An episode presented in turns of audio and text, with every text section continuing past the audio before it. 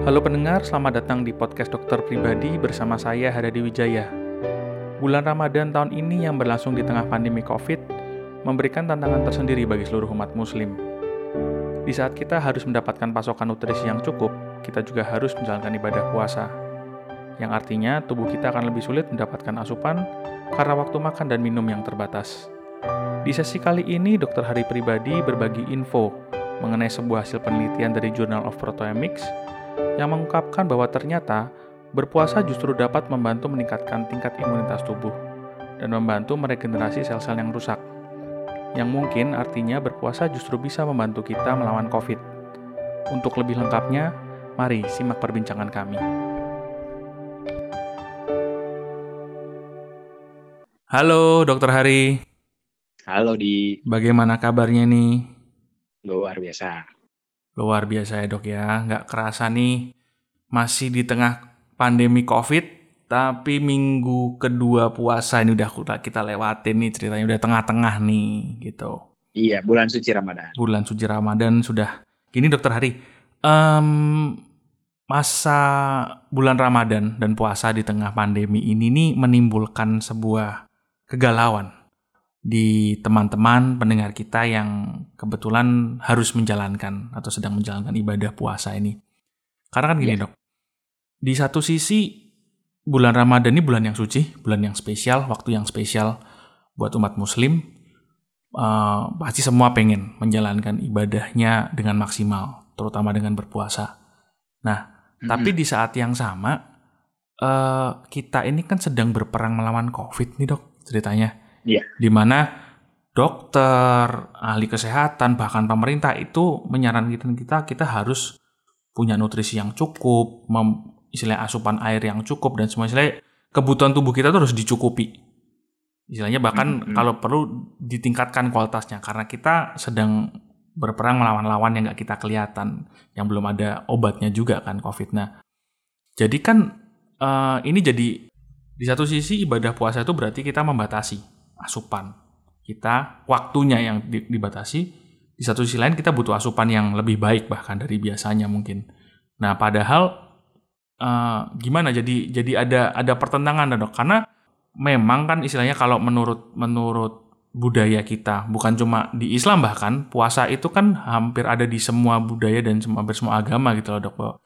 Istilahnya Iya, diyakini betul. bahwa puasa itu efeknya baik untuk kesehatan. Nah, di Mm-mm. tengah-tengah bulan Ramadan ini di mana kita yang muslim ini sedang menjalankan ibadah puasa, kita jadi punya pertanyaan. Jadi kita harusnya bagaimana? Apakah jangan-jangan justru puasa itu bisa membantu kita berperang melawan COVID ini gitu? Apakah Jadi bagus atau enggak gitu ya? iya benar secara medis, istilahnya keilmuan medis, kan kita pengen tahu nih, bener nggak sih? Oke. Jadi eh, ada sebuah jurnal yang dirilis oleh Science Direct Januari 2020 ini. Hmm? Pas di tahun ini di tengah kita menghadapi COVID dan jurnal ini itu dilakukan pada orang-orang yang menjalani Ramadan itu dari tahun 2018 tapi datanya baru dirilis dirilis sekarang Hmm. Dan menariknya jurnal ini meneliti sampai tingkat gen gitu. Hmm. Nah, Jadi jurnalnya cukup valid dan di situ jadi dia menceritakan banyak hal tentang manfaat puasa.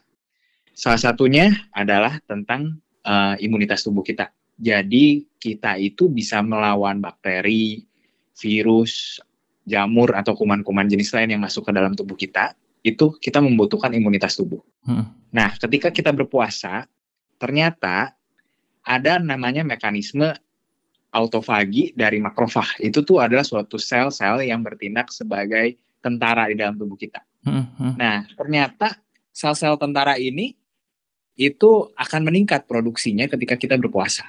Yang kedua itu sel-sel yang eh, berfungsi sebagai tentara ini juga kan dia harus mengeluarkan istilahnya kalau eh, tentara itu dia harus punya senjata. apa senjatanya. Hmm. Nah, senjata itu kita sebut kalau dalam tubuh kita itu mediator, sitokain. Hmm. Nah, ternyata mediator-mediator anti radangnya begitu sehingga dia bekerja lebih efektif itu juga jadi lebih banyak tercetus pada saat kita berpuasa. Dan menariknya lagi, ketika kita berpuasa itu kan kalau misalnya khusus untuk di bulan Ramadan ini umat muslim itu kurang lebih 14 sampai 16 jam ya puasanya. Hmm. Hmm. Nah, itu tuh akan merubah di mana uh, tubuh kita jadi starving atau kelaparan. Jadi hmm.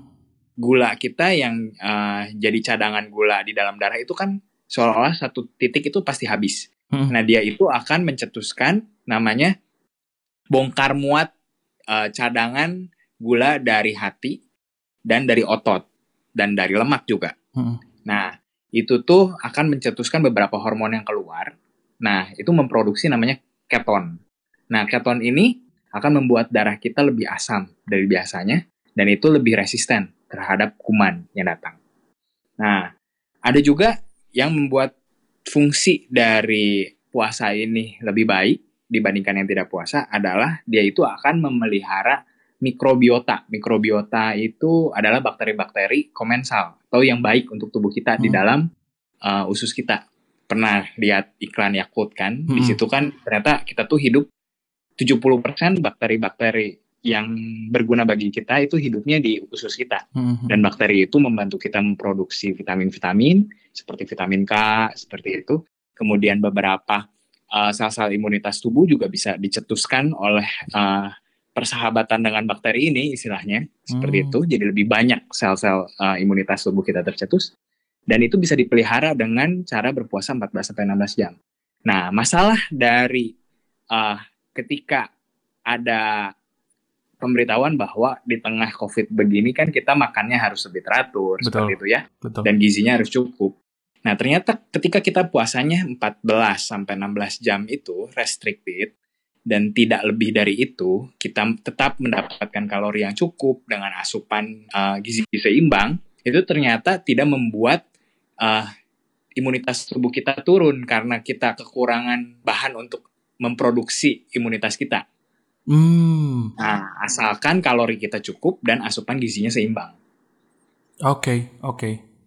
Berarti sebenarnya di studi itu yang digarisbawahi adalah restriksi asupan selama 14-16 jam itu ternyata memang membuat istilahnya apa ya tubuh kita beradaptasi kembali atau atau gimana dok? Iya, jadi beradaptasi kembali dari jadi tubuh kita itu memiliki irama yang sesuai dengan irama sirkadian. Jadi sebenarnya kan tubuh sel sendiri kan dia itu nggak tahu, nggak punya jam dinding lah istilahnya yeah, dia yeah. harus kapan itu melakukan A, melakukan B, melakukan C. Nah, dia itu namanya diatur oleh sirkadian rhythm. Nah, ketika kita merubah pola makan kita dengan cara fasting atau berpuasa, ternyata circadian rhythmnya berubah menjadi lebih baik gitu. Nah, ternyata ketika kita berpuasa juga itu akan membuat diri kita awal-awal itu merasakan stres sebetulnya. Hmm. Kan biasanya kan orang-orang di awal puasa tuh kerasanya aduh lapar, gelisah seperti itu yeah, ya. Yeah. Nah, itu tubuh ketika beradaptasi. Nah, ketika tubuh kita beradaptasi itu keluar stres-stres hormon. Nah, tapi stres hormon ini ternyata dalam jangka panjang puasa lebih dari 14 hari dan khususnya pada penelitian ini dia 29 sampai 30 hari ternyata stres hormon yang keluar ini juga merangsang growth hormone atau sel-sel uh, atau hormon-hormon pertumbuhan yang bagus untuk tubuh kita gitu, oh. gitu untuk mempertahankan uh, sel tubuh kita sehingga dia itu bisa mendeteksi dengan lebih baik sel mana yang butuh direparasi dan sel mana yang harus uh, di recycle atau didaur ulang. Oke oke oke oke. Jadi istilahnya oh, ternyata puasa yang ya 30 hari itu lama sih. Itu se seperti kayak kalau saya boleh bilang kayak komputer atau HP kita kayak di restart gitu ya, Dok ya. Iya, di restart begitu.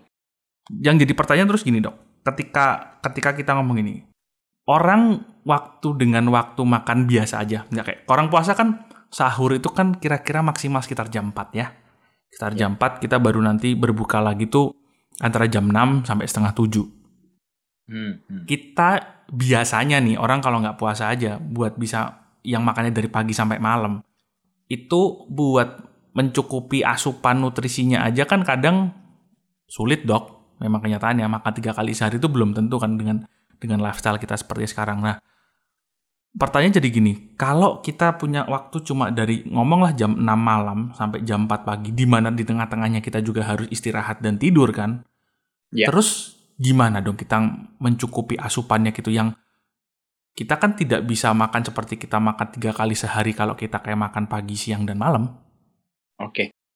Jadi yang penting itu bukan dari porsi seberapa banyak yang kita makan. Kan kadang-kadang kita makan tuh misalnya ya uh, fast food begitu banyak sekali. Mm-hmm. Isinya cuma kentang, nasi begitu. Itu mm. sebetulnya kan kalori saja dan isinya cuma karbohidrat saja. Mm-hmm. Itu tidak penting.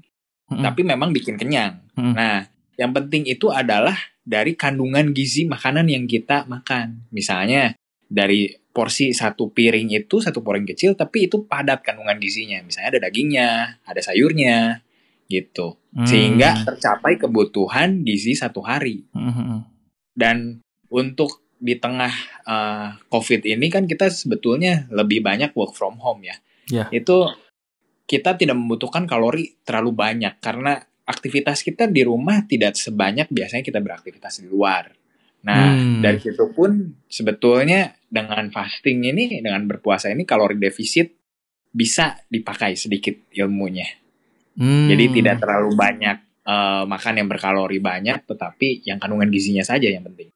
Iya iya iya. Sebenarnya malah malah kalau kita boleh ngomong, uh, kita merayakan bulan Ramadan, jalan ibadah puasa di tengah pandemi ini kayak blessing in disguise juga ya dok ya karena iya betul kita udah WFH kita nggak bisa lebih terbatas untuk makan keluar makanya sebenarnya ini saat-saat di mana kita bisa memang lebih merestriksi konsumsi kita di saat yang sama kita punya lebih banyak waktu nih buat ngelihat sebenarnya saya makan ini udah mencukupi kebutuhan tubuh belum sih? Saya kan gitu ya.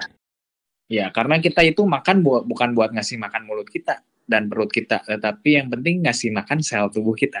Nah, oke. Okay. Hmm, berarti sebenarnya gini kalau kalau saya boleh simpulkan berarti sebenarnya ketika untuk menjawab pertanyaan apakah puasa atau melawan COVID sebenarnya kenyataannya nih di, di studi jurnal yang baru keluar Januari kemarin menyatakan bahwa justru dengan kita berpuasa dengan benar kita malah bisa melawan COVID ya dok ya? Iya, secara tidak langsung seperti itu. Jurnal itu kan melihat uh, dari segi gen-gen di dalam tubuh kita ternyata banyak benefitnya atau manfaatnya. Ya tapi kan istilah gini, benefit itu muncul karena memang aturan berpuasanya juga dijalanin kan. Karena kalau tadi saya sempat baca 30 hari terus benar-benar menjalankan 14 jam sampai 16 jam di mana istilahnya melamaskan asupan itu murni ketika berbuka dan sahur dan nutrisinya juga tercukupi dong istilahnya. Istilah kayak gitu. Iya, kandungan yang terpenting. Dan ternyata lewat puasa ini membantu mengembalikan metabolisme tubuh kita, sistem imun tubuh kita ini ke kondisi yang paling optimal. Dan ternyata semoga nih, semoga kalau kalau harapan saya sih berarti kalau gini mungkin setelah Ramadan ini Indonesia bisa bebas COVID nih dok karena banyak orang yang tubuhnya berpuasa. Oke, betul berpuasa makin sehat. Bahkan orang yang bukan muslim pun kalau melihat dari hasil jurnal ini kami anjurkan untuk puasa juga. Gitu ya dok ya? Iya. Iya benar juga sih, benar juga Karena sih. Karena banyak sekali benefitnya. Ya memang itu mungkin juga alasannya kenapa hampir di semua budaya, hampir di semua agama, setahu saya ya pasti ada ada waktunya di mana kita tuh harus berpuasa sebenarnya sih. Oke, mungkin kira-kira begitu Dokter Hari. Sekali lagi terima iya, kasih. kasih. Ya, terima kasih untuk waktunya, untuk sharingnya. Sebuah ya, fakta luar. dan tetap semangat di tengah COVID. Amin, betul banget. Ini sebuah fakta, sebuah ternyata perjuangan kita bersama ini ada benefitnya lah menjadi Indonesia yang lebih sehat. Iya. Oke, oke. Terima kasih Dokter Hari. Terima kasih. Bye. Untuk Anda yang ingin bertanya lebih lanjut mengenai topik sesi kali ini atau mengobrol dengan tim dokter di podcast dokter pribadi atau bahkan ingin menyampaikan saran mengenai topik-topik yang ingin dibahas di sesi-sesi selanjutnya, sapa kami di Instagram karena sekarang podcast dokter pribadi punya akun Instagram di @dokter.pribadi.official. Sekali lagi akun Instagram kami ada di @dokter.pribadi.official.